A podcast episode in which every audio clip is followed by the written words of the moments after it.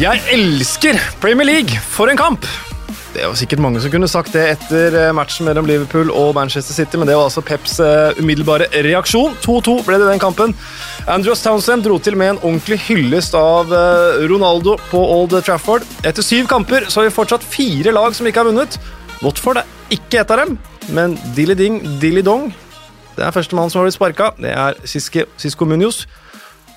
Så kan det være klart hvem som er den nye manageren innen vi er ferdig med å snakke her. Derav yeah, yeah. Som passe innledning, føler jeg. Eh, Jeg syns den satt, jeg. ja, Ja, takk, eh, takk Vasenius Nilsen fra United We Podcast. Bare hyggelig. Eh, litt forvirra etter helgens runde. Vi kommer tilbake til det. men Ja, Ja. generelt forvirra eh, de siste syv, åtte, ti årene. Si. Og Simen Aasum fra You'll Never Talk Alone. Du var litt uh, bekymra da du sa ja før en sånn kamp som vi har hatt i helga. Hvordan sitter du med Var det greit å si ja til å komme hit? Ja, det var jo det. Og det var jo en intens match, først og fremst. Og var veldig glad når pausesignalet gikk, og så fikk vi en litt mer eh, positiv opplevelse i andre omgang. I hvert fall sånn fotballmessig, og, og resultatet er for så vidt helt greit. Jeg synes Liverpool var det dårligste laget sett under 90 minutter, så ett poeng er greit. Og så lærte jeg på barneskolen at man eh, aldri skal spørre en kvinne om hennes alder, men RLS. Hva da? Gratulerer med dagen. Tusen du skal takk. få slippe å si hvor gammel du blir, men hvis du har lyst, så kan du gjøre det. 26. 26. Gratulerer med dagen! Gratulerer. Takk, takk. Gratulerer. Uh, vi begynner eh, selvfølgelig på uh, Anfield, hvor det endte 2-2 etter at ja, vel, City kjørte over Liverpool i første omgang. Og så fikk vi en eh, helt vanvittig er Episk. Jeg velger å bruke det ordet ja, om andre omgangen. Det var, eh, det var Disse storkampene blir ofte sånn her å, hypa opp, og så blir det ikke det vi hadde håpa på. Dette her blir alt vi hadde håpa på. Jeg begynner med deg, eh, Simen. Du har allerede sagt at det var greit med et uh, uavgjort. Uh, starte med ett spørsmål, fordi uh, Klopp sa at han syns James Milner var utrolig god i første omgang. Ja. Hva sy- syns du det? Altså, han blir jo kjørt noe voldsomt, da, fordi City velger, har jo en kampplan, og jeg skjønner det veldig godt at de skal angripe på den venstre siden. De har veld, en veldig god setup der også, med Cancelo, med, med Phil Foden, som var kanskje banens beste i, i går, og, og Jack Wheeler, som var vel litt mer flytende enn det han kanskje har vært tidligere i år. Men nei, jeg syns ikke han utpeka meg som veldig, veldig god, men han fikk jo ikke akkurat veldig gode arbeidsvilkår heller. Eh, Mohammed Salah hjalp ganske dypt nede en god periode for å dekke de, de rommene der, men eh, han burde vel kanskje vært utvist i pause. Han burde vært utvist eh, i, i andre omgang, så Nei, han hadde en tøff dag på, på jobben, James Miller, men, men eh, man ser jo også veldig godt hva man mangler der, da, i, i Trent, som også får mye pepper defensivt. da. Altså, Det hadde sett ganske mye bedre ut. Jeg tror ikke det hadde gått like hardt hvis det hadde vært Trent som hadde stått på den høyre høyrebekken. altså. Virka som eh, Guardiola var ganske enig med at han burde vært utvist. Eh, det var et av kampens eh, der, når han, Jeg vet ikke om alle, alle, De fleste har sikkert sett kampen, men når han står og hyler foran Mike Dean, som bare står Calm down. Iskald. Men, men er det ikke det, det som er liksom noe av problemet med, med VAR, da? Fordi at jeg tror ikke han tør å blåse på den første fordi han tror det første er innafor. Og så lar han gå, og så venter han på en VAR-avgjørelse, og så er det utafor, og så ok, da kan han ikke gå inn og gi et gult kort. Eh, og han skal jo være utvist i den kampen der. Han har tre situasjoner som er ganske soleklare gule kort. Så det er jo litt synd sånn sett òg, men jeg skjønner jo også at VAR ikke kan gå inn på en gul kort-situasjon, men han må jo tørre å blåse der. Ja, og Alt i alt så blir det jo eh, hva skal man si, et eh, regnestykke som liksom på en måte får feil svar, da.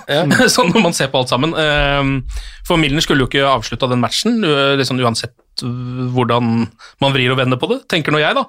Men selvfølgelig så faller eh, alle de tingene han gjør mellom alle reglene. Og det er jo, det er jo der han er heldig. Altså Alt bare faller liksom eh, i gråsoner, hvor VAR ikke kan gå inn og gjøre noe med det. Og da blir jo dette liksom på en måte resultatet. Men jeg vet ikke, nå har vi jo, ser man ikke også liksom på en måte lignende situasjoner som det der i nesten hver eneste kamp, Jo. som man kan gå inn og pirke på, men så har vi på en måte kanskje nå bestemt oss for at vi skal se stort på det, og ikke gjøre det. Jeg tror at hvis dette var 13-30-match borte mot Brighton, så hadde han fått det røde. Men når det er eh, den store kampen på Anfield, og det er den anledninga der, så, så ligger det litt lenger eh, inne for eh, dommerne å liksom gjøre noe som preger en kamp på den måten. Det ville jo blitt en helt annen kamp, selvfølgelig. Altså Den andre omgangen ville jo ikke blitt sånn hvis det, det hadde vært 10 mot 11. Så jeg tror det spiller inn litt, da. Det var også et av poengene til, til Pep etterpå. Jeg syns det var fint han sa, han sa eh, jeg burde hatt eh, gult, det var helt riktig. Men det burde også James Milner hatt. Mm. Men Så du tenker at det er linja til dommeren, den linja han legger seg på i en storkamp, som gjør at han ikke blar opp kortet? Jeg, jeg mener det pluss den var-gråsonen. Men jeg er villig til å akseptere den var-gråsonen fordi det ville blitt et salig rot hvis ikke. For hvor skal du da sette st- streken? Så det er, det er helt umulig å finne en løsning på de situasjonene der. Mm. Du får det ikke 100 perfekt, på en måte. Nei, du gjør ikke det. Da må du inn med full videodømming, og det vil du jo ikke ha, for da blir det bare reklamepauser og, og Nei, det, fullskjær. det, eneste som har, eh, på en måte, det eneste vi har blitt kloke av, eh, eller lært av VAR, er at det må være ganske firkanta når du bruker det. Og da, kan man, liksom- da må man rett og slett bare tåle at det blir noen sånne situasjoner iblant. Så. Jeg syns ikke det var noe skandale, men han burde jo hatt rødt. Eh, Liverpool-spillerne var skuffa i garderoben, eh, så fikk Klopp det spørsmålet. Altså, han er skuffa, men jeg har en hjerne også, sa han.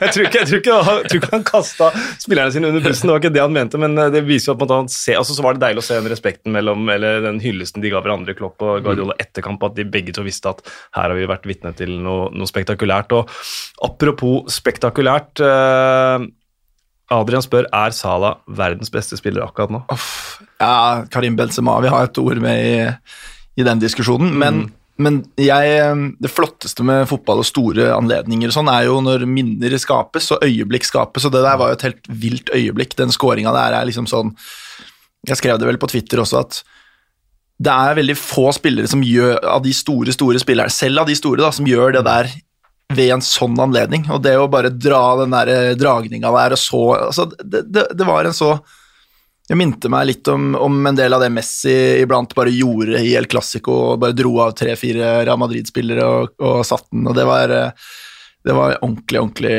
mektig scoring. Det er jo, noe spesielt med så fine mål i så store matcher som det der. Det er jo ikke så ofte det skjer. Pleier å være for intenst, for lite plass på banen til at Messi kan være Messi, til og med, liksom.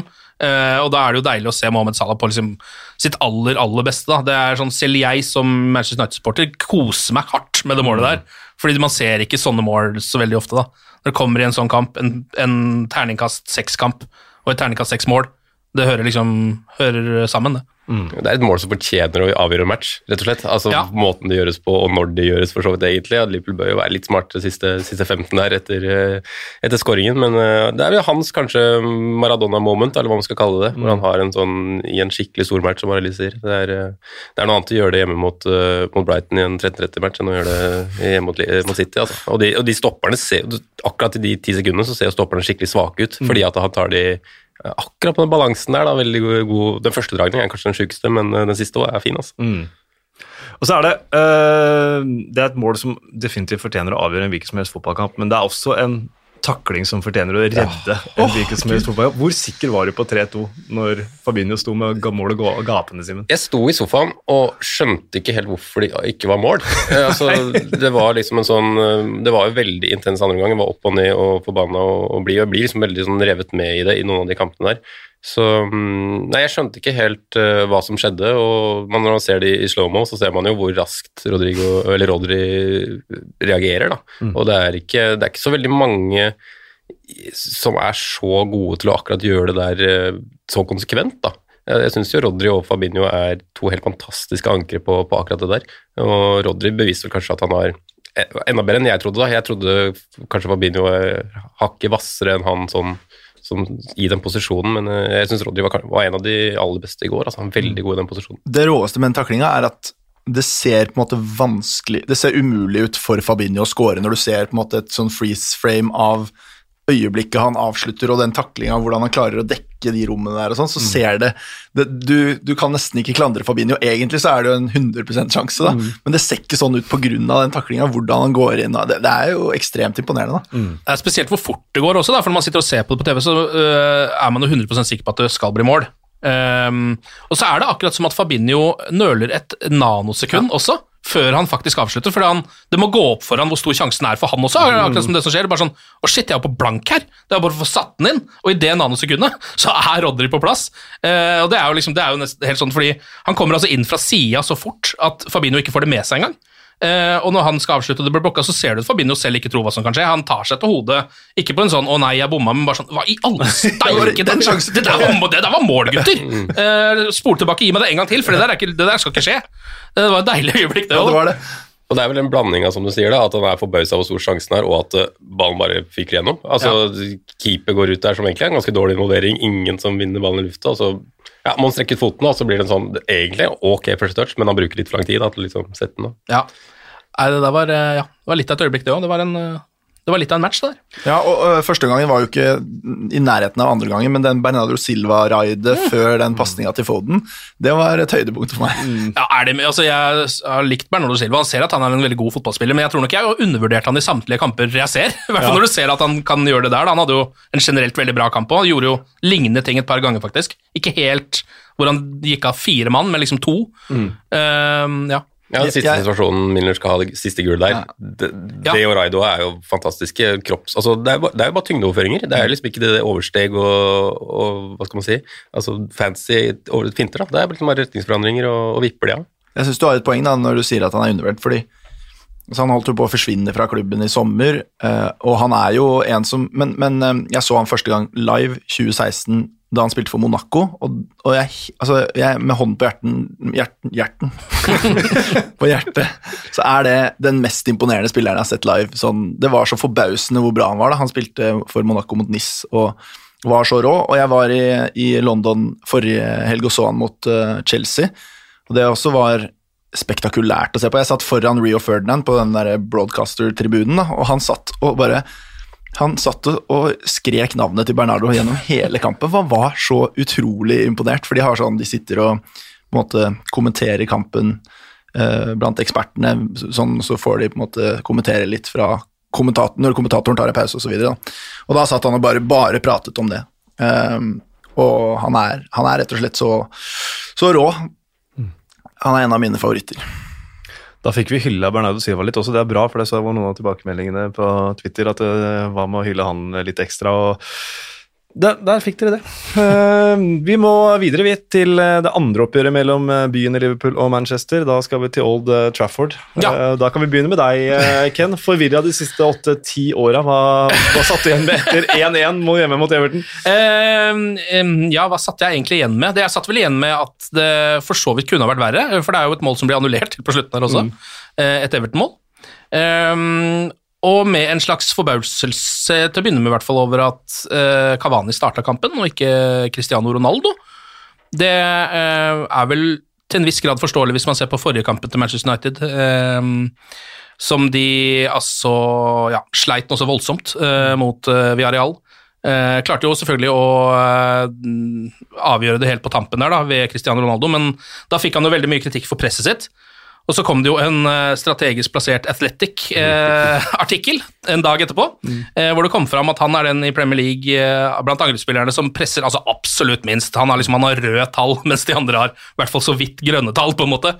Eh, han lå jo så klart nederst på den eh, på den lista, og det så man jo med det blotte øyet mot Villarreal. At det liksom sto helt stille, det var ikke noe press der. Villarreal kunne spille gåfotball uten at United gjorde noe. Så jeg kan liksom skjønne at Solskjær kanskje tenkte ok, hvis vi får inn Edison Cavani der, da, som vi har kjent for presset sitt, blant de liksom Uh, I hvert fall blant uh, spissstjernene i verden, så er han en av de som gjør, gidder å gjøre den jobben. Em, så vil jeg, vil han, vil jeg tenker at han kanskje ville se da, ok, er det det som var problemet? Uh, er det det at første, liksom, vår første forsvarsspiller, altså spissen, ikke gjør jobben godt nok? Um, men så hjalp jo ikke det så veldig mye. I det hele tatt. Det hjalp i de første ti minuttene. Så så du oi, nå, nå, nå er det tempo her. Stoppa helt opp. Eh, og i store perioder av kampen så er jo Everton ikke bare fullt på høyde, men bedre enn Manchester United også. Eh, så ja, nei, jeg blir, jeg blir ganske forvirra av det. Jeg vet ikke helt liksom, hva, hva man skal tenke om prosjekt Solskjær og egentlig hele liksom, Manchester United eh, som klubb per eh, 2021. Da. Det er vanskelig å si. Jeg, jeg har en tanke som jeg har lyst til å utfordre deg på. Da, fordi at siden Det mest imponerende Solskjær har gjort i Manchester United, er jo den gjenoppbyggingen av troppen og den spillelogistiske delen av den. og Han har vært veldig prinsippfast og kasta ut Lukaku når man ikke hadde en spiss i troppen nærmest på, på slutten av overgangsvinduet. Han, han har tatt noen harde avgjørelser i tråd med hans tankegang. Da. Og det har, det har, der har det alt, når det ikke har vært noe rød tråd i spillestil eller i resultater eller den type ting, har jo vært mye opp og ned. Men det har vært en rød tråd i prosjektet sånn uh, på den manager-delen av det, da. Som, som han skal ha veldig mye ros for, for det er, det er ingen som har vært i nærheten av å gjøre det etter øh, Ferguson. sammenlignet med han. Men da den Ronaldo-muligheten dukka opp, så er jeg jammen ikke sikker på om han faktisk syns det var bra Mm. eller dårlig. Ja. Fordi eh, det som skjedde, var jo at de ble jo tvunget til å Det er jo ingen hemmelighet at de prøvde jo ikke å hente Ronaldo før, de, før City faktisk nesten hadde papirene klare og skulle signere han, og det hadde ikke United hatt råd til fra et sånn litt mer overordnet perspektiv, da. Mm. Men jeg tror jo ikke at Solskjær tenkte at han ville ha Ronaldo sånn inn i, i den røde tråden som han eh, tenker på. Da. Han ville ha unge spillere, dynamiske spillere, anvendelige spillere um, som passer inn i den stilen osv. Og, så og det var jo en god start før Ronaldo kom også med, med serieåpninga osv. Så, videre. så jeg lurer på om det er noe som om det er på en måte det første gangen han Og, og det kan ikke han blames for, fordi Solskjær er jo maktesløs når det, de kreftene settes i sving. Mm. Så han må jo signere Ronaldo, men jeg tror ikke det er verken i tråd med det han hadde tenkt seg og det prosjektet, og jeg tror det selv om han har jo hatt en god start sånn individuelt sett, så ser man jo hvilke ringvirkninger det har Ja. kollektivt. da. Og Solskjær har alltid vært veldig opptatt av det kollektivet der. og Mm. ja, jeg, jeg, jeg er jammen ikke sikker på ja, men jeg tror du er inne på det. Jeg tror ikke det var en, det var, altså Den overgangen der var jo gjort av Manchester United som institusjon, eh, mer enn av Ole Gunnar Solskjær som United-manager. Det er jeg ganske sikker på. Ehm, og eh, som du er inne på, så kom det jo seint, så han hadde nok planlagt for noe helt annet denne sesongen. Eh, Enn å ha, det er vel ikke sånn at man setter seg ned, Det kan jo hende Cristiano Ronaldo er spiss på slutten av sesongen. Kanskje jeg skal begynne å legge ut noen slagplaner på det. det ikke, man tenker jo ikke det, liksom. Eh, så han hadde nok jobba med Cavani i hodet, og sikkert Tony Marcial, da. Ehm, og så, ja, så kommer jo også Cristiano Ronaldo, som er en veldig sånn Hva skal man si, han er jo en eh, ekstrem spisstype. Altså, han er jo ikke en vanlig eh, vanlig Premier League-spiss som du kan sette til å gjøre visse oppgaver. Han gjør jo det Cristiano Ronaldo gjør, det Cristiano Ronaldo gjør, uansett hvem som er manageren hans, tror jeg. Det har i hvert fall sett sånn ut i hele karrieren hans, egentlig.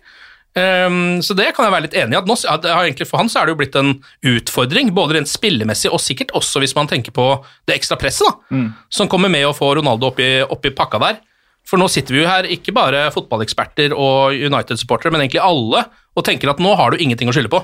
Du har til og med Cristiano Ronaldo som spiss, og du har et godt lag. Du har fått inn Jaden Sancho som du ville ha, du har til og med fått Varan, som ingen trodde skulle komme til Manchester United, liksom. Eh, så det jeg tror jeg egentlig at det liksom er sånn Nå sitter han jo på en måte med Sesongen har akkurat begynt. Uh, han må få inn en helt ny spiller i systemet sitt, egentlig. Eh, og må kanskje hive noen av de andre planene sine på sjøen pga. det. Og det er et ekstra kraftig lag med press som ligger oppå det hele, da. Så ja, jeg vet ikke. Eh, kan hende det var eh, ikke til fordel for Ole Gunnar Solskjær sånn i lengden, men skal vi ikke avskrive Cristiano Ronaldo helt, heller? Nei, og det, og det er kontroversielt å mene at det ikke er positivt. Jeg bare, jeg bare tror det kan ha noen ringvirkninger som ikke nødvendigvis er, er så enkle å håndtere. Men, men eh, det du sier med presset her, da, det er jo litt interessant, fordi hver eneste gang United nå øh, stanger mot Everton eller Aston Villa, eller noe sånt, så er det en ny bekreftelse for, for opinionen om at motstanderne får mye ut av lite. Altså Everton er i en gjenoppbygning hvor de henter spillere for ganske små summer osv. Uh, og, og Aston Villa har snekra sammen et lag som, som presterer over det man skulle tro på papiret. Som igjen blir en bekreftelse for opinionen om at Solskjær får lite ut av veldig mye. Mm. Det skal jo ekstremt mye til for at han skal stå frem som en rå manager, da, når Ja. du har det. Ja, Når du har ja, det. ja. Absolutt. Så er det noe, annet, noe med hvor de andre legger lista også. Altså Klopp Guardiola, det mannskapene de har bygd opp. Altså, I tillegg til Chelsea, som er så fremadstormende har vært nå. Da, altså, det skal ekstremt mye litt til for å komme på det nivået, selv med veldig mye penger og selv med Ronaldo og alt som er. Så han har en vanskelig jobb, fordi mm, slik jeg ser for meg nå, så er det nesten det beste han kan få til en fjerdeplass. Og det vil jo også egentlig være en nedtur for de fleste United-supportere, men vi må jo si det ærlig sånn. Altså, De forventer jo å komme tilbake til der de var under Ferguson. Ja. Så var det vel en uh, Fjorårssesongen var jo også litt sånn kunstig på mange måter. Både fordi det var en pandemisesong, fordi Liverpool hadde så mye skader. Det var mye som liksom ikke eh, Altså Chelsea bytta manager midtveis, eh, og det viste seg at de kunne jo vært en tittelutfordrer hvis de kanskje hadde hatt Tuchel tidligere. Um, så man har vel følelsen at den sesongen for Manchester United, eller det resultatet Manchester United endte opp med i forrige sesong, er ikke helt representativt for Premier League heller, da. Og når man da går inn i sesongen nå, uh, og plutselig skal eventuelt komme lavere ned på tabellen, som jo er veldig sannsynlig, for det er vanskelig å komme høyere opp, uh, så vil jo det på en måte da i manges øyne ses på som et tilbakesteg. Så må man diskutere om det er det eller ikke, da. Og så er det interessant, da, når har ikke møtt så mange av de storkanonene. så Snart kommer jo tiden hvor Solskjær tar en skalp mot uh, rubbel og bitt av topplag. fordi det er jo de kampene det laget der er best satt opp mot, da, og Ja. da, da snur det veldig fort. så... Ja, vi får håpe det, for nå kommer de på rekke og rad her, eh, om ikke så altfor altfor lenge. Eh, det begynner vel med Liverpool, og så er det masse ja, eh, must win-kamper mot Atalanta. Eh, ja, og masse annet dritvanskelig oppi der også, så det kommer til å bli Men Everton, da, de Uh, Jeg spør jo deg som Liverpool-supporter, uh, Simen, men uh, det er vel litt sånn, selv om det er fierce, så er det litt friendly Derby-ish og Eller? eller Ja, eh, ja. Hvordan er dine følelser overfor altså, Når Townsend scorer på Old Trafford, er det noe du drar på smilebåndet?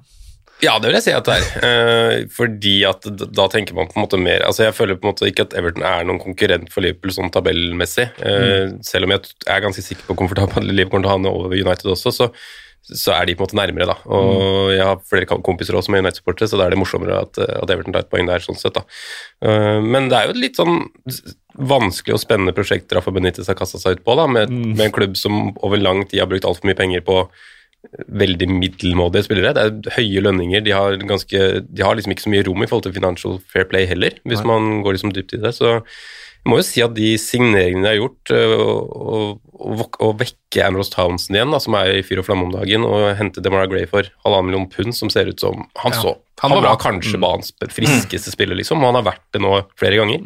Så mm, Nei, jeg, jeg synes jo mm, Jeg var helt fornøyd med det, med det ene resultatet, og så synes jeg egentlig er litt morsomt å se Rafa i Everton også, for det hadde aldri i verden sett for meg. Nei, Det er, eh, ja, men han er jo en, en mann som går skikkelig inn i og er veldig glad i Liverpool. Han har uttalt det mange ganger jeg, for han så tror jeg det føles naturlig, selv om han har liksom leda Liverpool i, i mange år. da. Ja, jeg har en uh, god venn av meg som er, uh, er fra Liverpool og er uh, Die Hard Everton-supporter. Han var med i podkasten her. og han var ikke veldig happy med Rafa Benitez-ansettelsen. og Apropos det med at du ikke ser på Everton som den store utfordrer, det gjorde jo ikke han heller. Det der eh, small club det henger jo ved Rafa Benitez fortsatt. Men hvis han fortsetter sånn som det her nå, så kan vel til og med det glemmes blant Ikke alle, kanskje, men de, mange av Everton-supporterne. For det her var uten Calvert Lewin, det var uten Richarlison, altså uten James Coleman. Han er kanskje ikke verdens beste høyrebekk lenger, men han er tross alt kapteinen deres. eh, Så, og de burde vunnet, egentlig. Ja, Ja, de kunne i hvert fall gjort det. ja. Um, og som du sier, men det er det ikke, elsker ikke Rafa Benitez de kampene her, da. Det er jo en perfekt Benitez-match. Han går inn der med liksom total underdog-følelse. Har ikke engang med seg sine beste spillere. Uh, skal møte Manchester United som, uh, som sliter. Det er jo en, må jo være en deilig kamp, som en, ja, i hvert fall når det er den managertypen som Rafa Benitez er. da. Det her er jo den kampplanen der han satt opp før, for å si det sånn. Så det, den, den treffer han på. Ja. Og, så, altså, burde de jo faktisk vunnet, da, når du ser på den offsiden, for det er en ekstremt klønete offside. Det, Ja. det, det, er, det er nesten på nivå med å slå corner, kort corner og så spille den tilbake. og offside. ja, Det er, det er verre. Det er jo verre. Fordi, fordi det er på en måte one of one at du ikke skal slå den der pasninga til sida fremover eh, til altså det, er eh, det er liksom mangel på kyle eh, foran målet. For han kan, han kan både skyte selv Ja. fra ganske god posisjon, og han kan slå den ballen eh, på et litt annet tidspunkt som gjør at det ikke blir offside. Jeg tror Hvis det var to andre spillere enn Davies og Jeremina som sto Ja. i akkurat Ja, den ja, er situasjonen, så kanskje det hadde vært litt smoothere, det som foregikk der. For det løpet er uklokt, og det er egentlig spesielt løpet som er det. For han må jo holde igjen Det, er- jo hans oppgave å holde seg på riktig side helt til du får spilt den ballen der. Og du må på en måte nesten slå òg. Mm. Fordi det er, jeg vet ikke, det er, du, det er jeg føler at det er lite sannsynlighet for at han scorer hvis han skyter, faktisk, eh, med David og Hea litt i form Mm. i mål. Um, og hvis han slår den, så er det jo eh, Da er det jo 100% mål, men da må jo Jeremina stå en centimeter lenger bak. da. Så burde han kanskje droppe av å danse. Altså, det, det, er, det er Og så er det så lenge! Ja, det, er ja, ja, Så, det ser så dumt ut i etterkant. Han står der og liksom skal håne de som står på tribunene og feire. Han er jo en, er en figur, da, Jeremina, men det, det ser veldig dumt ut. Ja, det, det så ikke så bra ut. Det, det, det, må bare avslutte med det, den Andrew Townsend-feiringen også. Det var jo en, en fryktelig invitasjon, eh, om, og han sa det jo sjøl også, at han fikk ikke det til. Men, men han sa oppriktig etterpå at det var en hyllest til et, et fotballidol. Eh, Ja. At det var, det var ikke ment som håning, men jeg må ærlig innrømme at jeg leste det som det med en gang også, og lo veldig godt. Og jeg tror i hvert fall de supporterne oppå der, de koste seg med De så ikke på det som en hyllest, de Everton-supporterne. Jeg tenkte også reint, uh, reint hån. Ja. Eh, Eh, både fordi han utførte det så dårlig at det ikke virker som han har gjort det før. Eh, hvis det er idolet ditt, så kan du kanskje ha gjort en Ronaldo foran speilet og sett litt funker dette, liksom. Eh, og fordi han jo gjorde Paul Trafford mens Cristiano Ronaldo spilte. Eh, jeg føler at den hylles, den gjør du kanskje hvis du ikke spiller mot Cristiano Ronaldo og han ikke har scoret, på en måte. Eh, men han endte vel opp med drakta hans, tror jeg. Etter matchen. Jeg tror Andros fikk drakta til Cristiano, så da Han var veldig på, i hvert fall etter når uh, sluttsignalet gikk der. Ja. Han ville ha den drakta. Ja. Eh, jeg, tror, jeg tror ikke Cristiano Ronaldo så at han dro hans feiring, for han sto og fulgte med på noe annet akkurat da. Hvis, jeg jeg veit ikke om han hadde gitt den drakta hvis han hadde sett det. Nei, kanskje ikke. Eh, et, eh, det tredje laget, da. Eh, Vi har nå vært innom eh, de to første, Liverpool og Manchester City, som ble tippa i toppen, og Manchester United også ble tippa, men så er det Chelsea der, som også er helt der oppe. En, ganske, en litt tung uke med et par tap for Chelsea mot hva var det? Manchester City ja. Ja. og Juventus. Og så 3-1 over Southampton eh, nå. Underholdende kamp. Vi fikk som vi fortjente av Tuchel sin eh, dom. Uh, Hasenhutter mente de var modige og stolt av måten de spiller på, men at det røde kortet ble avgjørende. Uh, hvordan så du den kampen, Reles? Nei, det er vel litt en av de som det ikke er så veldig mye smart å si om, annet enn at det var én ting som gleda meg veldig, og det var at Timo Werner skårte. For han har da fått 16 mål annullert siden han kom til Chelsea. Ja. Og han fikk jo ett annullert også i denne kampen før pause, og jeg fikk så vondt fra, av Anna. da. Den annulleringen er jo altså Den er riktig, sikkert, hvis man trekker nok altså tilbake, så, men det er jo virkelig i hvert fall ikke Timo Werner kan ikke gjøre noe med det der. Eh, han er liksom verken i offside eller har lagd noe frispark, eller noen ting, og det er ingen i hans umiddelbare nærhet som har gjort det heller, men hvis han spoler tilbake 25 sekunder, så finner man et eller annet. og så ser du like før han får skåringa si, så, så har han også en avslutning som blir redda på liksom, sykt vis, og du ser bare at han, er på en måte så søt òg, fordi han, du vil, du hei, jeg heier så mye på han, da, for jeg, jeg, jeg, jeg unner han den suksessen. og han, han, han prøver å bare holde det der tapre ansiktet sitt uh, like, og så ser du at livskristen bare forsvinner liksom, sakte, men sikkert ut av øynene hans, og så får han den skåringen. og det jeg, jeg, jeg har blitt litt fan av Werner, eh, også annet fordi han, eh, han har noen sånne funny intervjuer og sånt som jeg har sett på TikTok, da, så ung er jeg. Eh, hvor han fremstår som en veldig litt sånn naiv og søt fyr. Så han heier jeg på, og jeg ble veldig glad da han fikk den skåringen. Så det er min main takeaway fra Chelsea-matchen. Ja, han sa jo man må ha det gøy når man spiller fotball, og i dag hadde vi det gøy når vi spilte fotball. Det var det han. Jeg tror et av de intervjuene må ha vært når han eh, han bomma på en kjempesjanse mot Westham i forrige sesong og sa sånn Jeg bomma med vilje. Nei da, jeg gjorde ikke det. Eh, det var et av sånt, jeg, jeg følger deg helt på den RLS med, med Timo Werner, så det var moro for han. Et par, jeg trekker frem et par glemte menn eh, hos, eh, hos Chelsea også. Nå, Plutselig så spiller Ruben Loftus-Cheek-fotball der. Og Ja, Ross Barkley som eh, hørte, Han hadde ikke fått draktnummer engang, visstnok. Og så dukka han opp med drakt nummer 18, og så plutselig er han med igjen også. Hva, skjer, hva skjer nå? Er ikke Chelsea er jo et litt merkelig prosjekt, er det ikke det? For de har jo så mange sånne spillere som eh, flyr rundt i Europa og spiller for andre klubber, og så glemmer man at de er Chelsea-spillere, for de har spilt i Tyskland i tolv år, f.eks. Mm. Så plutselig så er de tilbake igjen, eh, og er fast på laget. Og plutselig så er du Victor Moses og vinner ligaen, og så er du borte igjen året etter. Og så er, ja, det er, jeg synes det er et veldig De har jo eh, det er jo et veldig smart prosjekt, men det blir veldig rart å følge med for oss som ikke er Chelsea-supportere, for vi glemmer jo at de har 200 spillere løpende rundt i Europa som man har glemt. Ingen mål på Lukaku nå heller. Altså, er det Manchester United-Lukaku, eller er det Inter Lukaku de har henta? Sånn er jo Lukaku. Han er jo, ikke, han, kom, han er jo ikke typen til å levere sånne jevne prestasjoner alltid. Han er litt himmel eller helvete. Nå er det en liten, liten slump på han. Men han kommer snart tilbake. Kommer snart tilbake. Southampton de har altså ennå ikke vunnet. Det bør de gjøre snart. Det burde gjøre. Ja, egentlig. Ferdig med det.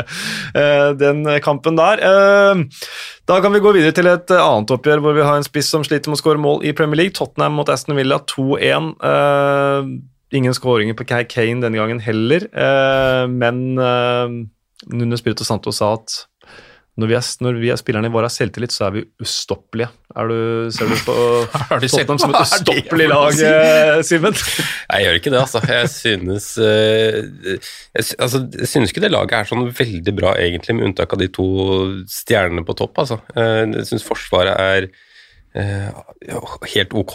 Eh, ser ikke noe, at de skal noe, har noen bedre spillere der enn f.eks. Aston Villa, de lagene de på en måte kommer til å kjempe litt med i år. Da. Så, men, men samtidig så har de spillere offensivt da, som er ustoppelig. Altså Hong Min Son i det humøret der er ustoppelig. Ja. Ja. Eh, Men det er vel kanskje den eneste også på Eller Harry Carey Kane, når han er i slaget, men det er de to eneste, syns jeg. da. Så, så var det litt morsomt at eh, Høibjerg, som har egentlig vært ganske god, selv om Tottenham har vært sånn halvveis lenge, fikk, fikk sin scoring. da. Han, er, han har faktisk vært, ganske god, men ustoppelig, det er ikke Tottenham, altså. Men det er, men det er faktisk det er, Jeg så Dean Smith sa at den eneste forskjellen mellom lagene var sånn. Ja. Og det er egentlig Det er jo helt riktig, på en måte. Og, når du og nå er jo til og med Harry Kane i jævlig dårlig form. Men, men hvis de La oss si at de har Son og Kane, da, som er eh, to veldig bra spillere, og så syns jeg Skip for eksempel, begynner å ta steg og er liksom, utmerker seg litt. Men hvis du tar resten av laget, er, er egentlig, hva er det Tottenham har igjen hvis du tar bort sånn og Kane? Sammenligna med lag på nedre halvdel, nærm- nærmest. Ja, det er vel Hugo Loris, da, som Ja, fortsatt er en ja. decent keeper. Ja. Eh, Men nei, det er ganske utplukka der etter hvert.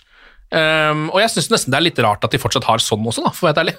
For jeg synes det er nesten er litt merkelig at ikke han er mer Han er sikkert ettertrakta, men ikke han at ikke han liksom er, dukker opp i flere ryktespalter og drar til Real Madrid, liksom. Eh, Ingen eller som, ingen som vil handle, forhandle med Levi, vet du.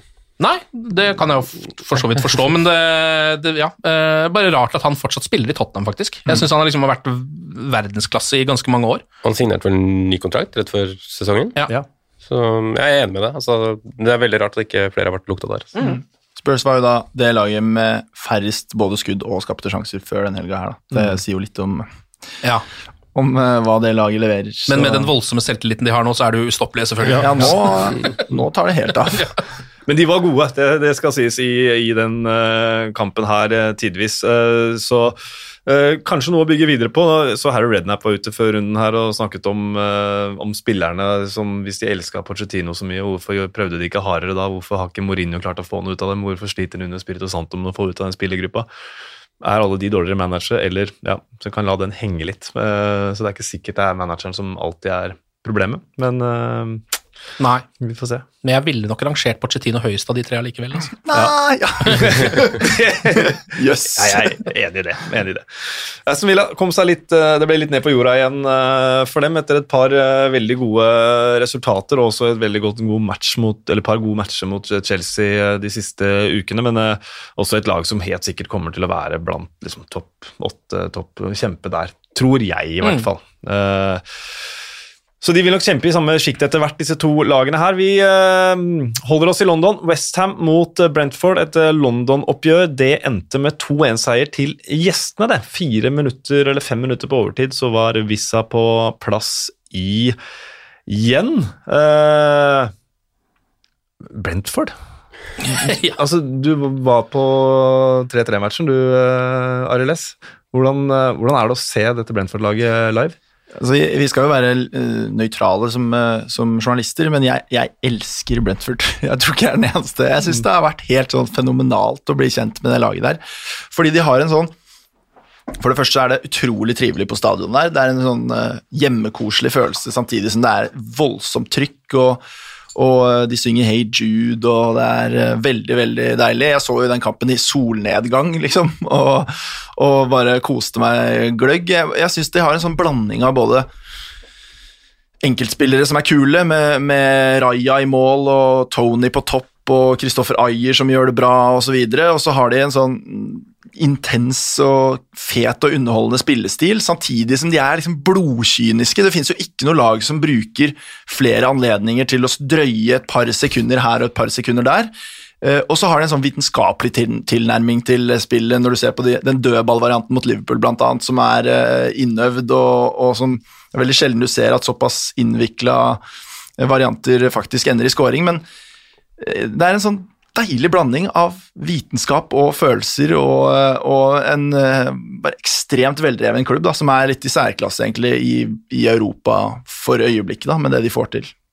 Jeg vet ikke hvor mye dere ser på championship, gutter, men det her, som, jeg ser ikke sånn veldig, jeg ser en del høydepunkter og sånn, men Brentford har liksom vært et sånt lag, jeg håper de rykker opp de siste to-tre åra, og nå har det endelig rykka opp, og forholdet deres til, eh, til Brentford? Ikke noe spesielt forhold til Brentford, men man, eh, man legger jo merke til linken til Danmark, blant annet. At man har hatt en tydelig, tydelig link der, og så at man har fått opp en del spisser der de siste årene. Vi hadde vel starta vel med Mopé, og vi fikk Ollie Watkins, og er det en til jeg glemmer der, mon tro? Eh, mulig. Eh, og så kommer de nå med Even Tony, som ser veldig Ikke bare veldig god ut, men veldig kul spillertype. Altså loffer rundt og, og hælflikker litt og er knallsterk i, i mann, i mann i rygg og Nei, det, jeg har ikke noe spesielt forhold til de før de kom opp, men jeg er litt enig med Arild, så jeg er blitt litt sånn småglad i de. Og når de spilte mot Liverpool da forrige helg igjen, så var det jo en enorm fysisk tilstedeværelse. Altså eh, Snakk om at Milner hadde vanskelig arbeidskår mot, mot Manchester City. Trent hadde trippel på bakre stolpe der. Så nei, de var, de var kule å se på, og det er jo imponerende at de to ganger på rad nå henter seg inn på slutten, da, som, som er inne på. Hvis jeg kommer inn og har skåret to mål på 20 minutter, så det, det er et lag i flyt, da, og det er jo gøy, det.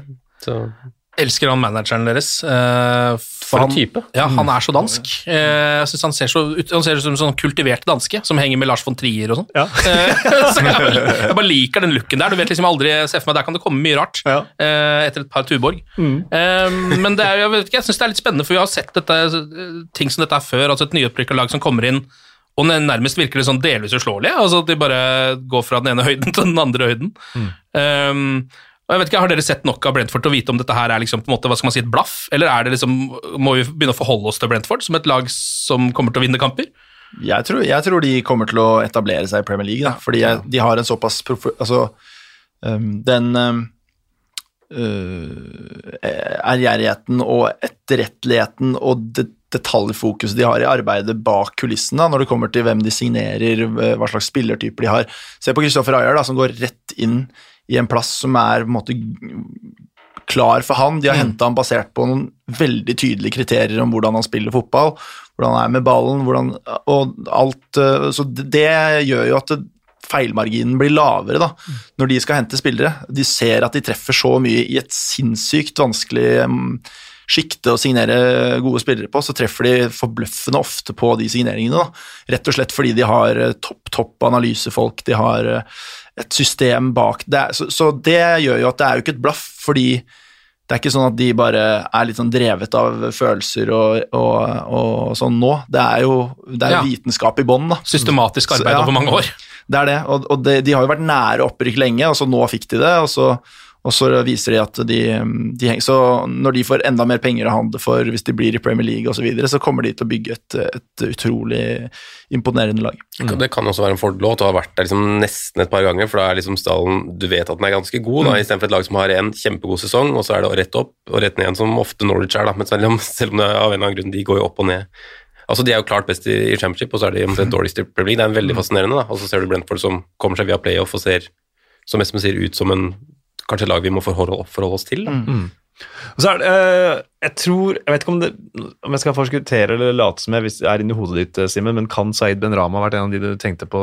Ikke som spiss. Det var det sikkert. han, Ja, han spiller- der, ja. ja. Han spiller jo for uh, Westham, som eh, Jeg beklager alle Westham-fans, jeg tror ikke vi kommer til å bruke så mye tid på Westham akkurat nå, men de har fortsatt levert en veldig god sesonginnledning og var nære på å hente et eh, poeng her. Neste oppgave er Everton på Goodison, så de dundrer nok eh, videre med alles favorittspiller Michael Antonio, men denne gangen så ble det, ble det null poeng. Eh, Moyes var vel eh, sa vel egentlig som vi har vært inne på, Brentford kommer til å gjøre det vanskelig for mange lag. Så Tap for uh, Westham denne gangen. Uh, verken tap eller seier for Brighton eller Arsenal. Den endte 0-0, men hvis ett lag skulle vunnet denne kampen basert på kampen sånn som den så ut, så ville det vært Brighton, selv om Arsenal vel hadde flest avslutninger på mål.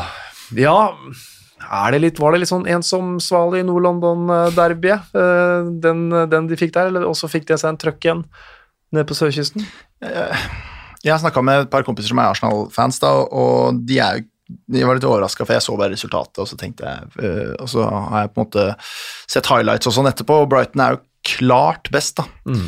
Og øh, konsensus blant fansen er også at sånn 0-0 borte mot Brighton er greit, og det er jo litt sånn mm, brutal uh, brutalt tegn på hvor Arsenal er, og hva Arsenal har blitt, da. Men sånn er det jo bare. Det er, det, det er ikke så veldig mye mer å forvente, og de det presset til, til Brighton var utrolig uh, imponerende. Det var egentlig det stikk motsatte av det vi så mot Tottenham, da, hvor Tottenham bare ga mellomrommet til Martin Ødegaard, sånn at han kunne kose seg der og få masse rom. Det var helt sånn noe av det villeste jeg har sett når det kommer til dårlig struktur eh, defensivt eh, fra Tottenham. Her var det det stikk motsatte, og det fikk jo Ødegaard merke og så ble jo tatt ut etter en time og, Mm.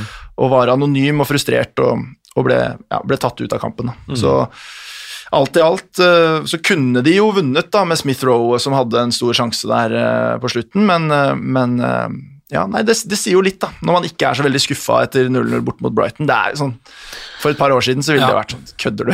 Kanskje spesielt etter den oppvisninga som det tross alt var mot Spurs. Da var det jo liksom nesten som å se Arsenal være Arsenal igjen. Eh, og så ja, eh, er det helt borte igjen til neste match, da. Det må jo Ja, det er jo ikke spesielt bra tegn for hele prosjektet til Arteta heller. Eh, jeg er også, jeg syns det er litt lite prat om at det er Arsenal som har brukt mest penger i dette overgangsvinduet også. Uh, det, er ikke så mye, det er ikke sånn at folk sier sånn 'Nå er presset på Arteta, nå har han fått troppen sin'. Det er liksom ingen som, ingen som bryr seg om det. Det er liksom bare snakk om uh, Chelsea og United og de andre som bruker penger. Men det er litt fordi at uh, han har jo tross alt ikke hatt alle tilgjengelig så langt, da. Med Nei. både covid i starten, og det, det har jo tatt tid før han faktisk har kunnet stille med tilnærmet toppet lag, da. Ja.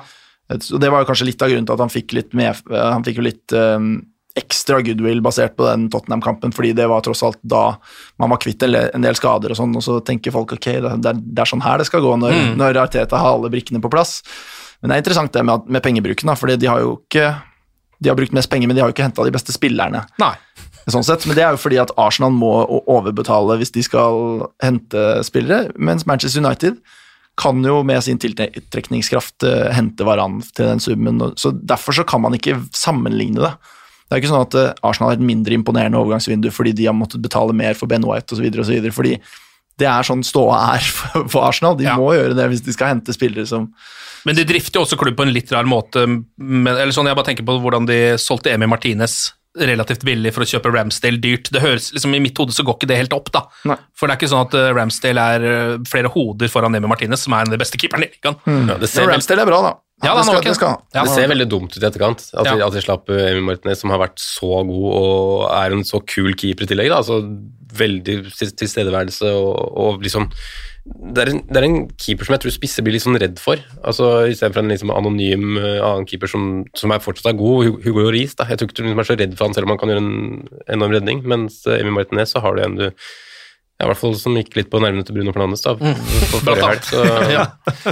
Men det blir jo veldig spennende og, uh, den sesongen av Amazon Prime uh, sine fotballdokumentarer som kommer denne sesongen, hvor de følger Arsenal, det kommer jo til å bli helt fantastisk. kan bli fin berg-og-dal-bane. Altså. Det kan bli en god berg-og-dal-bane, og med liksom fokus på Martin Ødegaard og alt sammen også, for oss nordmenn. kan bli veldig spennende å se.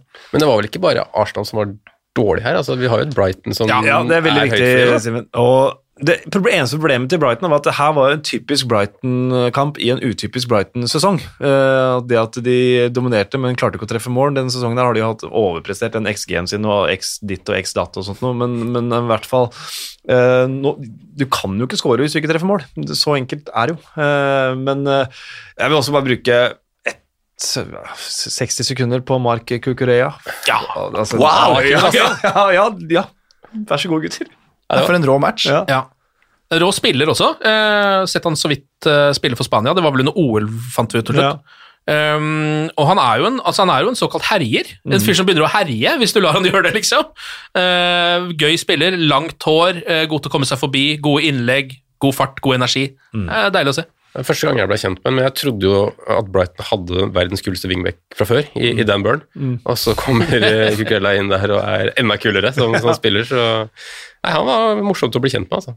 Blir kalt Håret i, eh, blant Chetaffe-fansen. Vi ser jo, Ja. ser jo hvorfor. Ja. Uh, han tror jeg det skal bli mye glede av. Virker som en sånn, sånn sprudlende type. og Du hørte at de hadde supportersang på han med en gang. Sånn instant kulthelt. Uh, Så er vel Lamptey i nærheten av å være tilbake til andre sida der, så da kan det bli ganske moro å se på. det. Altså. han begynner å svinge på vingbekken altså, når, når Lamptey er, er klar igjen. Brighton har imponert voldsomt og var gode i denne kampen her òg, men eh, de var så gode som de har egentlig vært hele match, hele sesongen. En av de beste kampene mente Graham Potter, men det holdt ikke til mer enn 0-0, dessverre, denne gangen. Eh, en annen uavgjort kamp i eh, London, det var Crystal Palace mot Leicester. Der ledet Leicester eh, med to mål. Patrick Vieiras Crystal Palace-prosjekt.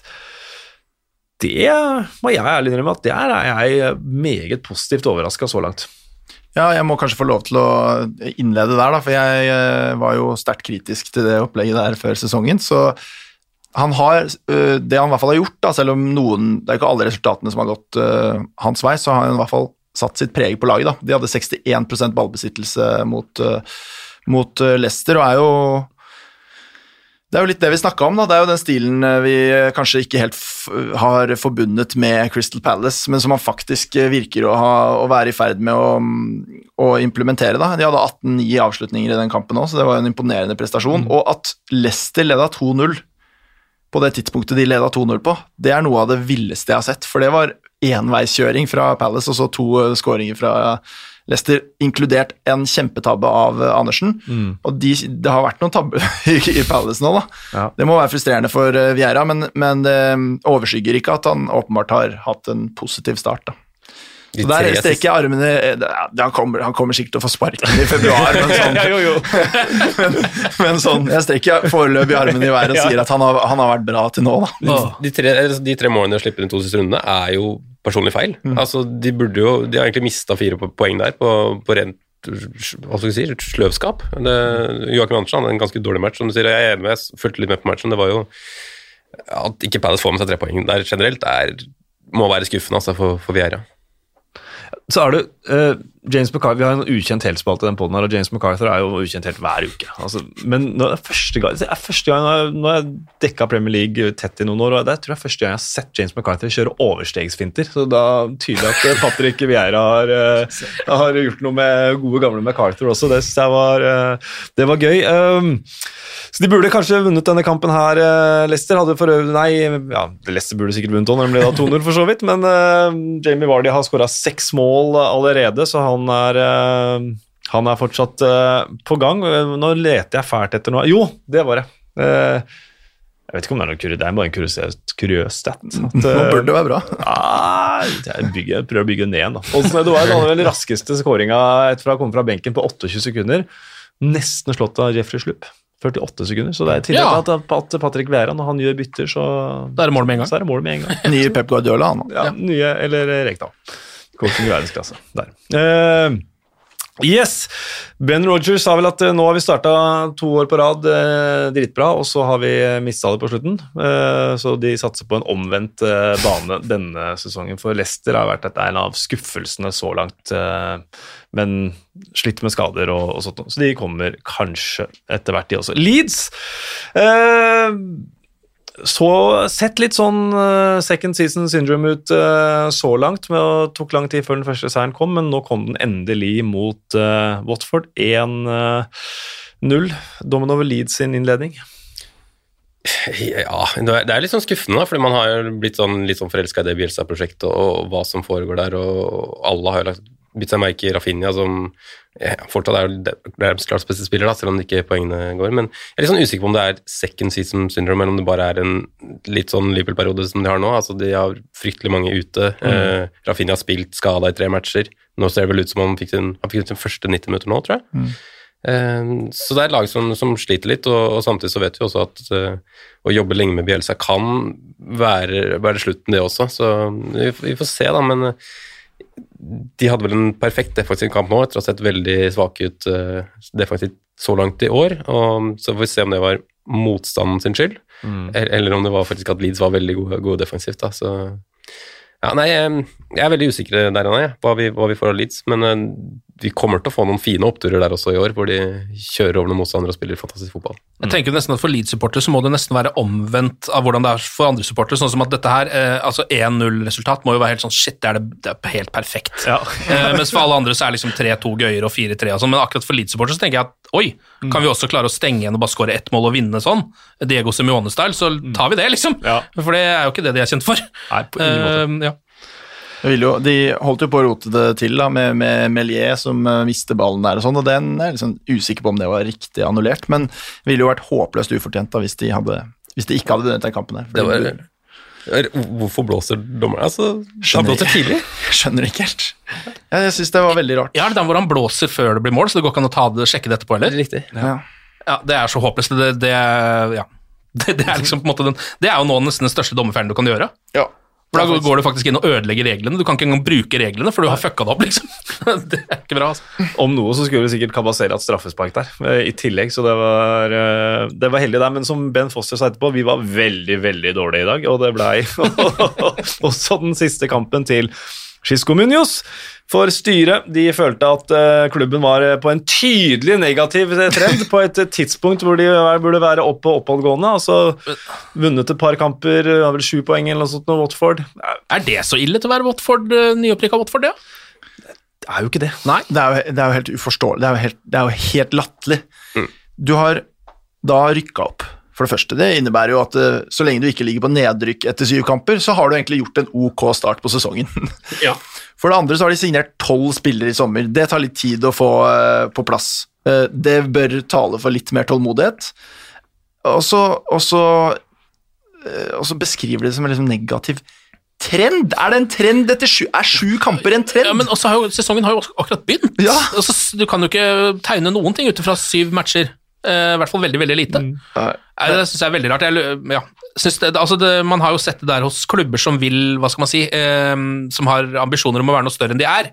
Gjør jo mye av det der. Altså sparke managerne sine, få inn en ny en. Nå har det liksom blitt en, en trend som går helt ned til de la, laga som ligger helt nederst på tabellen. Altså sånn Nå er det, det er ingen tålmodighet noe sted lenger, samme hvilken klubb du har. 13 managere på ni år har de jo, da. Um, Så det er jo en utålmodig familie i bak, bak her som er i dag i ferd med å hente sin eh, gode venn Claudio Ranieri. Han har jo nære bånd til eh, Pozzo-familien. Deilig å få Ranieri tilbake i engelsk fotball igjen, da. Det blir fint. Det er perfekt. Pizza og nuller, er det ikke det som, som er tingen? Ja, de holdt vel på øh, å rykke ned eller på, Da redder de vel nå, da, så blir det ligagull i 2020, hva blir det, 2023 på, på Watford. Ellers så blir det fire matcher og så en resignering av Cisco Nunes. Det kan, øh, det kan også å skje, men øh, det var altså Det var Cisco Munoz øh, for denne gang. Um, vi har et par matcher igjen. Wolverhampton, Newcastle 2-1. Vært eh, slitt med å skåre mål, eh, Wolverhampton, og slitt med å finne en partner til eh, Jimenez etter at eh, han kom tilbake, men nå ser det ut som at He Chang Wan, eller Wang He Chan, er, eh, er mannen. Mm.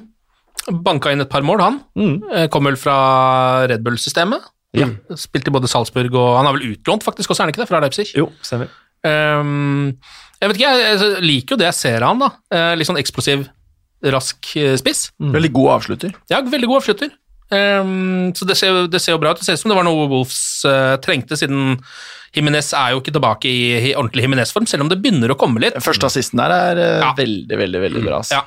Det begynner å komme litt, og det er jo veldig bra. Jeg har vært litt sånn skeptisk til det derre For du, du ser, han er jo en hodespiller, og når han bruker det derre uh, bandasjen han har på huet, som han sikkert, sikkert er lurt å ha der, siden han har vært gjennom noen hodeskader og sånn, det ser, ut som han får et litt, eh, litt dårlig treffpunkt på ballen. Altså, han har en slags sånn derre Ja, Den ser så tjukk og klumpete Ja. ut. Altså, Ja. det er liksom, den ser ut som han er mer i veien enn Ja. det han liksom skal få beskyttelse. så hvordan skal du få styrt den, liksom? Eh, noe som helst sted? Det ser vanskelig ut. Så, ja, nei, det, Sånn nikke med caps. så er det liksom Man har Nikke med caps, ja. Og så er det liksom Man har ønsket så inderlig at han skal komme tilbake, da, for man er en spiller man blir lett glad i, uavhengig om man har følelser for Wolverhampton eller ikke. Og så Det var liksom følelsesladd når han hadde den fantastiske skåringen forrige match, og så så veldig bra ut, bra ut nå, da. Og mm, han godeste Wang også hadde vel Jeg har ikke sett, kan ikke si at jeg har sett han mye i Bundesliga, men jeg så han hadde 29 matcher og null skåringer. Altså mye, mye innhopp, sikkert, da. Men eh, han er vel glad for å liksom komme til en klubb hvor han faktisk blir satsa på nå og, får litt sjanser og få åpna skåringskontoen tidlig. Eh, jeg husker så vidt så han i Salzburg eh, da Liverpool spilte mot eh, de i Champions League for et par, par år siden. Da var det jo han og Braut kom inn i den matchen, for han var jo slett noen skader, men det hadde jo han, Minamino, Soboslai, eh, en Bepu som var i Brighton, mm. han Pongrasic, er det han heter, i, i Dortmund. Altså, det er et vanvittig mye talenter som er i, er i Salzburg, eh, eller Red Bull-systemet, da, og nå er det vel han derre eh, tyskeren Adiniemi, er det Adiniemi, ja. som har vært helt fantastisk i Champions League. Så det virker som det egentlig bare er å pinpointe de laga der, og så følge med, og så være med når det, når det gjelder i, i, i kontraktsforhandlingene. Fordi alle spillerne der, som jeg skjønner, har jo sånne relativt lave klausuler. Så å være først på der når du ser en stjerne, må jo være en smart strategi, da. Mm. Det er, jo hele, altså det er jo litt av grunnen til at de lokker til seg spillere også, er jo at de kan jo Ja, de vet Du, at det er du kan være sikker på at du får lov til å dra videre. Ja. Du blir ikke holdt igjen. Apropos holdt igjen. Eh, altså, Newcastle-fansen klarer jo ikke å holde igjen sin misnøye. Eh, vi skal ikke bruke lang tid på det nå, men altså har det noen gang vært en lengre dead man walking enn Steve Bruce i Premier League-historien? Altså, han har vært dead man walking siden han ble ansatt, så, Ja. men han klamrer seg fast. Ja, nei, det er faktisk helt vanvittig. Ja. Uh, og også så, hva skal man si, så uh, åpenbare mishagsytringer. Ja. Det er jo heller ikke vanlig. Det pleier å kanskje komme et og annet fly, men at publikum holder kjeft, f.eks. Men her er det full pakke. Altså, det er alt sammen. Hver gang! Det er full festival. Ja. Uh, hatfestival hver gang han, han skal ut på matta der. Um, det må jo, jeg bare lurer på hvordan det er rent psykisk å høre det der. Høre liksom Han sier jo sjøl at han blir påvirka også. Han Ja. sier det jo rett ut i intervjuene, og han sa vel nå også at enhver manager som starter en match i Premier League, får jo et, et press på seg. Men eh, det er litt sånn synd da, for det er jo klubben han ønsker å trene, det er favorittlaget hans. og han han har jo fått mye pepper, men første året når han tok over, så ble jo Newcastle dømt nord og ned av samtlige, og de tabellplasseringa er jo bra. Ja. Eller fair, da, i hvert fall. Ja. Uh, og så er det liksom ikke vært noe framgang siden. Og, men det er jo også begrensa med hva du får da med Mike Ashley som, som eier av, av spillemateriale og, og sånn, men du har jo fått noe. altså Du har jo fått en, uh, brukt masse penger på Jo Linton, som egentlig ikke er noen ting. Uh, Det er jo helt absurd at de Ante med så mye penger der, men Sant Maximair ser ut som en veldig veldig god fotballspiller som må ta et steg videre. og Nei, det er liksom, Newcastle er et fascinerende lag, altså, for de har som regel sånn åtte-ni spillere som er helt anonyme, og så er det én og to som er dritkule eller veldig gode da, i forhold til resten. Jeg tror jo at Steve Bruce, eller hva skal man si altså han, øh, Jeg synes jo han, sånn, kanskje bortsett fra i det siste, så har han gjort det helt sånn ok med Newcastle fra da han tok over. Da han var vel sånn tiendevalg som manager eller noe sånt. Eh, så jeg tror det er mye av det som sitter i hos fans nå, da. At du har liksom en manager som egentlig ikke engang klubben ville ha da han ble ansatt. Eh, han spiller ikke spesielt spennende fotball, Steve Bruce. Han er, har ikke spesielt mye karisma. Eh, de tingene taler jo mot han. Altså, han kunne En mer karismatisk offensiv manager hadde sikkert holdt seg ja, i hvert fall eh, liksom gjennom selv en dårlig periode da, hos publikum, bare ved å være en litt ålreit, kul fyr. Men hos Steve Bruce er det akkurat som han får jo ingenting gratis. Nei. Ralf Hasenhutel er vel en sånn mann Han er en sånn mann. som eh, får det gratis fordi han har den fete vesten og sånn som, eh, som ser bra ut. Uh, Syns jeg, i hvert fall. Men det har ikke jeg noe motikon heller, da. Uh, fire av siste syv sesongene så har altså eh, Newcastle spilt, eh, ikke vunnet på de syv første. Så de, er, eh, de følger den Ah, vanlige trenden som de holder på med. En eh, kamp igjen, det var Burnley-Norwich. 0-0. To lag som ikke har vunnet. To managere som nok sitter trygt, men som hvor presset likevel øker. som Daish og Daniel Farke. Eh, Bortsett fra at Mathias Nordmann var god, eh, er det noen som har lyst til å utbrodere rundt eh, bataljen, den episke, på Turf Moor? Jeg tenkte bare å snakke om Mathias Nordmann egentlig, i forbindelse med den kampen. Men, men det syns jeg er interessant å snakke om da. Altså, det er jo en mann som uh, traff tverrliggeren etter en Zidane-finte, blant annet. Det, er jo, det er jo ikke dårlig, men han er jo Han ble kåret til banens beste nå for Norwich. Ble kåret til månedens spiller i eh, september for Norwich, så han har jo fått en helt uh, fabelaktig start, til tross for at han spiller på et begredelig fotballag. Da. Men han er jo lyspunktet i, um, i mørket i, i Norwich, og er virkelig et lyspunkt da, som tyder på at uh, for Situasjonen til Mathias Nordmann er at han er jo hentet fra Rostov på lån med en obligasjon på kjøp hvis Norwich holder plassen, som er, så er alt annet enn sikkert, selvfølgelig. Men det er jo en fordelaktig posisjon for han å være i, fordi at han viser seg nå Hvis han ikke hadde hatt det, så hadde han kanskje hendt i samme situasjon som Sander Berge og havner i, i championship osv., og, så videre, og så er det plutselig veldig vanskelig å komme seg opp igjen derfra. eller noe sånt, Men nå viser han jo helt åpenbart at han kanskje er eh, topp ti-klubbmaterial i Premier League. da. Og, eh, og dette er en fa fantastisk eh, salgsplakat for han. Eh, og og så lenge han unngår disse skadene som har plaga han så mye, da, nå er han jo skada igjen, dessverre, til landslagssamlingen. Men jeg syns, jeg syns eh, han er så imponerende. Jeg syns han eh, er veldig bra med ballen, veldig direkte i uh, pasningsspillet, veldig god eh, på de lange ballene. Eh, samtidig veldig god defensivt, eh, krigersk, eh, hardtarbeidende og har en sånn selvtillit som det virker som det er umulig å knekke. Du, du merker det veldig fort når du setter deg i et rom med Mathias Nordmann og prater med han, at han tviler ikke et sekund på at han er god nok for Premier League, og det ser du jo også på måten han kommer inn. Han har jo ikke et fnugg av frykt eller av nerver eller noe som helst. Du ser det bare på sveisen hans, det er ingen med nerver som Nei, nei, nei, nei. Men, men det der er en super eh, Altså det der er en eh, superkraft da, når du kommer inn i det opplegget der. Jeg tror det er en, en av de aller viktigste kvalitetene du kan ha, eh, i tillegg til det både tekniske og alt mulig sånn, men han, han, han er ikke litt, han litt prega engang. da. Eh, Kommer inn på et nedrykkslag og bare er helt sjef, da.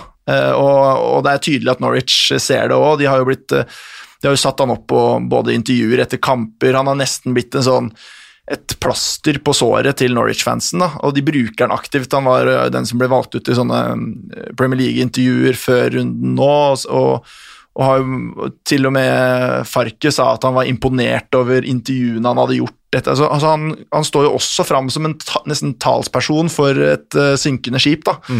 Eh, eller, ja, og, og det, så han imponerer på veldig mange arenaer. Så får vi håpe han får orden på kroppen. Ganske rått av en spiller som er jo ikke Norwich-spiller, altså han er innlånt, en leiesoldat, liksom. Også, altså, det har har vel vært en del klubber som har vært og lukta på, men kanskje ikke turt å ta sjansen, så det er jo veldig fint for de, da, for å si vet ikke om det er, om det er en lille klubb, men si at Southampton hadde vært interessert, så er det veldig fint å se han eh, for dem, da, for Norwich nå, og så går han ned, og så ok, da henter vi han.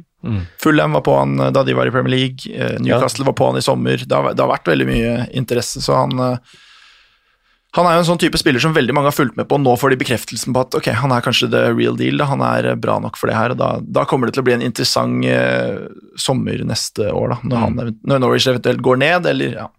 Eller de kjøper han på Revanet. Men han blir i Premier League, tror jeg, så lenge han eh, ikke er eh, kronisk skada. Farke mente at det ene poenget var eh, et fint første steg. Da mener han det. Mens Sean Dyche som vanlig sa at vi trenger kanskje en dommeravgjørelse, det ville vært fint. Jeg, vet ikke, jeg, vet, ikke- altså, jeg vet ikke helt hvor i den matchen her han fant det, men uh, la gå. 0-0. Han vil bare ha litt hjelp. Ja, ja, vi bare ha, ha, litt, ha litt hjelp, godeste Hver eneste helg. Det var hans eh, 400. kamp for øvrig. Uh, Det var eh, runden. Vi skal kjøre noen eh, faste spalter før vi runder av her. Det var moro å se på. Morata var kjempegod. Hva i all verden? Han snakka om seg sjæl, han snakka om dommeren. Eh, Ja, vi har jo eh, fire spalter som vi går igjennom. Eh, Øyeblikket, vi kan jo starte med det. Det er vel vanskelig å ikke finne et av øyeblikkene på Anfield, tenker jeg. ja. Men det er ikke jeg som skal avgjøre det, for nå er det tre eminente her som kan eh, vippe dette her i en eller annen favør. Eh, Hva er ditt øyeblikk eh, denne runden her, Ken? Eh, det er jo målet til Mohammed Salah eh, som dukker opp først i hodet mitt. Og etter det så er det faktisk Det er ikke et like viktig øyeblikk for den kampen, her, men det kunne vært det. Eh, og det er den langpasningen til Ederson gjennom til Phil Foden, som jo egentlig kanskje burde ende med enten et straffespark eller et rødt kort, eller i hvert fall et frispark utenfor 16-meteren i farlig posisjon. Ingen av de tingene skjedde, så det, er jo, det ble jo ikke noe sånn viktig øyeblikk. Derfor velger jeg Salah, eh, men en liten, eh, litt heder også til Ederson. Keepere som kan slå de ballene der, ja, det ble jeg glad. Det var bra du fikk nevnt det, Kent. Ja. Takk. Ja, jeg, jeg syns den, den skåringa sier seg litt sjøl, for det var både altså, Når det gjøres også Manchester City hjemme med, med full kok og, og den toppmatchen og, og seint på kvelden og sånn, men jeg syns jo denne gjensidige respekten også som vises etter match, var ganske fint å se på, da. Og ikke bare liksom at det var Klopp og, og Pep, men at det var liksom med assistenter og hele liksom støtteapparatene rundt. De kjenner hverandre så godt, de har hatt så mange intense dueller nå, så så er det, så er det vel kanskje en, en Townsend som har lyst på et lite ord ord i, ord i slaget her med sin feiring, men ja. det er nok de som er øyeblikkene for meg. Altså. Jeg tror fas fasiten er selvfølgelig Salah-skåringa, um, men jeg, jeg bet meg merke i den ufiltrerte gleden til Pep Guardiola da de utligner til 2-2. Ja. Det syns jeg var veldig flott å se, for det er sånn derre Han var liksom like revet med av alt sammen som det alle vi andre som så på, var. Og som du sa, han sier at han elsker Premier League, og han er det er kult, For han er jo Jeg har vært på veldig veldig mange pressekonferanser med Pep Guardiola, og han må liksom prate seg litt varm. Han virker nesten litt sånn autistisk når han begynner. Svarer veldig kort på spørsmål, ser ned på podiet og er liksom litt sånn merkelig. Og så bare prater han seg varm, og så hvis du stiller et av de siste spørsmålene, så får du på en måte så får du en TED-talk av eh, Guardiola. Han, han er en eh, Jeg syns jo han er dypt fascinerende, og det er eh, Det var bare Det var, det var rett og slett veldig sånn genuint og flott å se at han var så glad. De elsker jo de kampene du ser, ser jo på Pep at han elsker de matchene. Så lenge han ikke taper, for da tror jeg han hater de. Og dette her var jo sånn sett perfekt for han, tror jeg. Eh, 2-2, Nydelig kamp. eh, fikk vist fram fotball på det høyeste nivået. Um, og det er jo, jeg synes de kampene der går litt inn, kommer til å gå liksom litt inn i historien når både Klopp og Pep, eventuelt en av dem, forsvinner. da. De oppgjøret der mellom Liverpool og City. liksom. Det er jo som de gamle Barcelona-Real Madrid-oppgjørene, da liksom El Clásico var El Clásico, på en måte. Eh, man kommer til å savne de i engelsk fotball, tror jeg, når et av de lagene eventuelt skulle bli dårligere om noen år. Som jeg litt håper at skjer også. Men øyeblikket finnes et eller annet sted i andreomgangen på Anfield, og Salah, hvis vi skal plukke ett, er min, tolkning av eh, dette her. Hva med mm, Blomst, da? Noe som har utmerka seg litt ekstra positivt? Noen eller noe eller et eller annet? Eh, Noen som har lyst til å starte der? Så bare for å gi noe ros til noen, noen som er involvert i Manchester United, så har jeg lyst den til David De Hea, fordi nå er han liksom tilbake igjen på verdensklassenivået sitt. Og det trodde jeg vel egentlig ikke at noen gang skulle skje. Det er et eller annet med keepere som med en gang de begynner å miste det litt, så skal det så mye syke til for å ta det igjen. Mm. Og David De Hea er vel kjent som en av de keeperne som kanskje ikke har den kvasseste psyken. Det er ikke sikkert han hele tiden mener selv at han er verdens beste keeper, sånn som mange middelste keepere mener at de gjør Mm. Eh, Så derfor syns jeg det er så godt å se. Nå er han tilbake som en sånn eh, en matchvinner i målet til Manchester United igjen og redder de utroligste ting. Ja, den var fin, den, altså. Den, eh, jeg støtter egentlig den, men eh, jeg, jeg har lyst til å gi til Rafa Benitez. Jeg. Og ny prosjekt Everton i en veldig vanskelig posisjon. Han mm.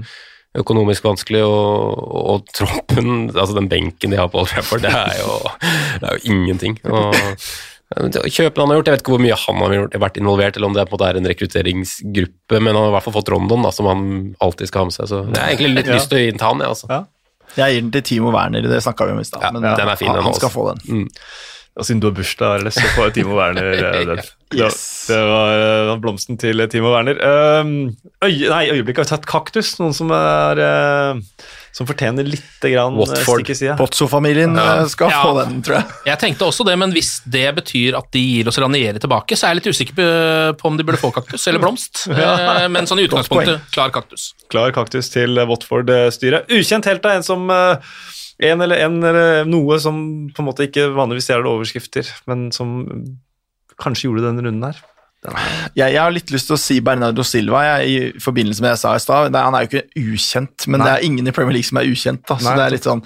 men, eh, men hvis vi snakker om hvem som mm, ikke så ofte stjeler overskrifter, men er helt forbaska god, så syns jeg han eh, er den mannen. Han eh, stjal verken overskriftene etter eh, Chelsea-seieren eller etter Liverpool-matchen, men i begge så syns jeg kanskje han var den aller beste på banen. Så han fortjener eh, den, syns jeg. Rodri.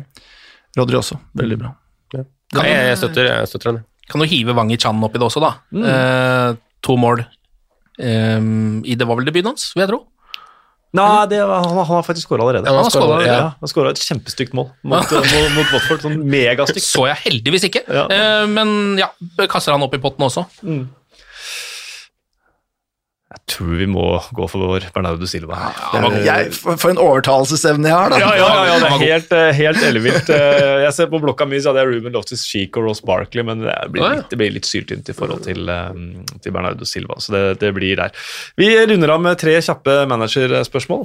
Eh, Sitter Botfords neste manager ut sesongen? Det får man jo håpe. jeg går for ja, jeg. Ja. Nei. Eh, ja Nei. Nei. Og vi tror det blir Det ser ut til å bli Claudio Ranieri, for det var neste spørsmål. der, så hvem blir det? det vi, vi håper på Ranieri, i hvert fall. Ja, Så får vi se om han eh, sitter ut. Fire lag har ennå ikke vunnet. Hvem av Hasenhuttel, Daish, Bruce eller Farke forlater jobben sin først? Jeg går for Bruce. Altså, det er noe med at Når det allerede har begynt å røre seg såpass mye, så er det vel vanskelig å stå imot til slutt. Mm, jeg- Bruce. Det, det blir Bruce eller Farke. Altså, jeg synes jo kanskje, hvis det ikke liksom er noe tendens til når de skal klare seg nå, at de må finne en ny retning, i hvert fall. Eh, for det, De kan sikkert være fornøyd med å gå opp og ned, opp og ned hele tida, men uh, Det er jo retningen deres. Så. ja. Nei, jeg, jeg sier Farke.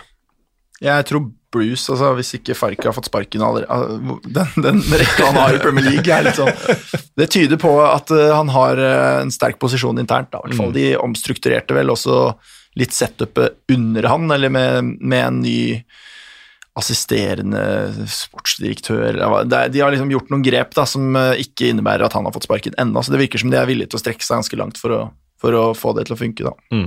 Så jeg tror Bruce. Daesh fikk vel også ny, signert vel en ny kontrakt for et par uker siden, så ikke at det nødvendigvis trenger å ha noe å si, men uh, nå er ikke Burnley Watford heller, så Men Sean Dye, altså, det han har gjort med Burnley, det fortjener at han har den jobben så lenge han Ja. ønsker å ha Ja. det. Altså, Han er en utrolig imponerende type. synes jeg. Så la oss håpe han, han ikke får sparken. Nei, hvis han ikke da til slutt blir lei. Det er vel det, er vel det, det er da Sean Dyche kan stoppe, tror jeg, i Burnley. Tenk å høre den stemmen til Sean Dyche. Jeg kunne sovne inn med sånn uh, Morten Ramm har jo sånn pratepodkast hvor man sovner. Det hadde vært deilig å få den behagelige stemmen til Sean Dye. Litt sånn, Prater deg selv. Sean Dyche skriker til dommere til du sovner. litt sånn raspete analysere hvilke avgjørelser Burnley burde hatt. Ja, men nei, Han er best når han snakker om helt andre ting. Han, hadde, han spotta jo en lookalike uh, i, uh, i pressekonferanserommet, blant annet, hvor han skulle forklare ja, det er, Han er helt rå. Fin navn. Uh, siste spørsmål der. Er Solskjær Manchester United-manager når sesongen 2022-2023 sparkes i gang? Oh. Ehm, ja, altså jeg må nesten gå for et ja, både for å være litt patriotistisk Patriotisk, heter det vel, eh, og fordi at det er jo litt sånn som eh, med Farke, som du var innom, eh, at nå har de jo omstrukturert såpass mye for å få Solskjær inn der, at det skal litt til for at han får sparken, da. Jeg òg tror det. Jeg, jeg tror også det. Ja. Plutselig så vinner de Champions League. Det, altså, de er eh, Det er større sannsynlighet for at Manchester United vinner eh, Champions League enn at de slår Aston Villa på hjemmebane, liksom. Så det, er, det, det, er, det er ikke noe lag å bli klok på, det der. Det syns jeg var veldig fine avsluttende ord, eh, Mariles. Vi eh, skal runde av. Takke Moderne Media for at vi får eh, hjelp til å lage den podkasten. Takk for at du lytter. Gå inn på iTunes og gi oss noen stjerner, eller sag oss på Twitter, eller hyll oss på Twitter, hva enn du måtte ønske. Ken Vasenius Nilsen, tusen takk for at du var med. Er bare hyggelig. Simen også, tusen takk for at du var med. Takk for invitasjonen. Og RLS, på selveste bursdagen, tusen takk. Perfekt start på dag. Herlig.